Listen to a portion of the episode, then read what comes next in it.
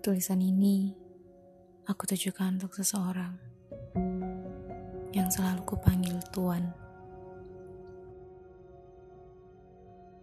Pada saatnya nanti, mungkin aku akan sedikit merasakan sesal, atau setidaknya malu pernah mengalami ini.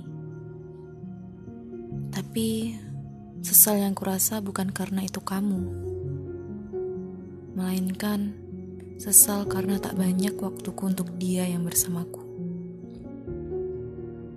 Tapi selama ini, aku tak minta balas darimu dengan hal serupa atau hampir sama dengan yang kuberikan.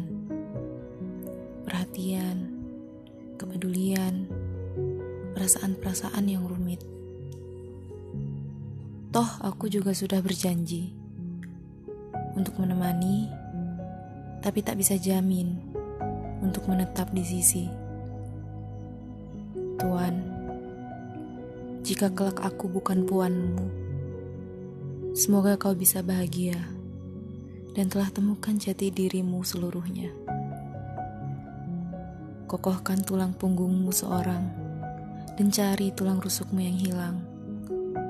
Semoga dengannya kau jadi tuan terbaik bagimu dan baginya. Aku akan baik-baik saja. Kuharap puan sejatimu kan terus bersamamu, membantumu, dan menyayangimu lebih baik dan lebih banyak daripada aku.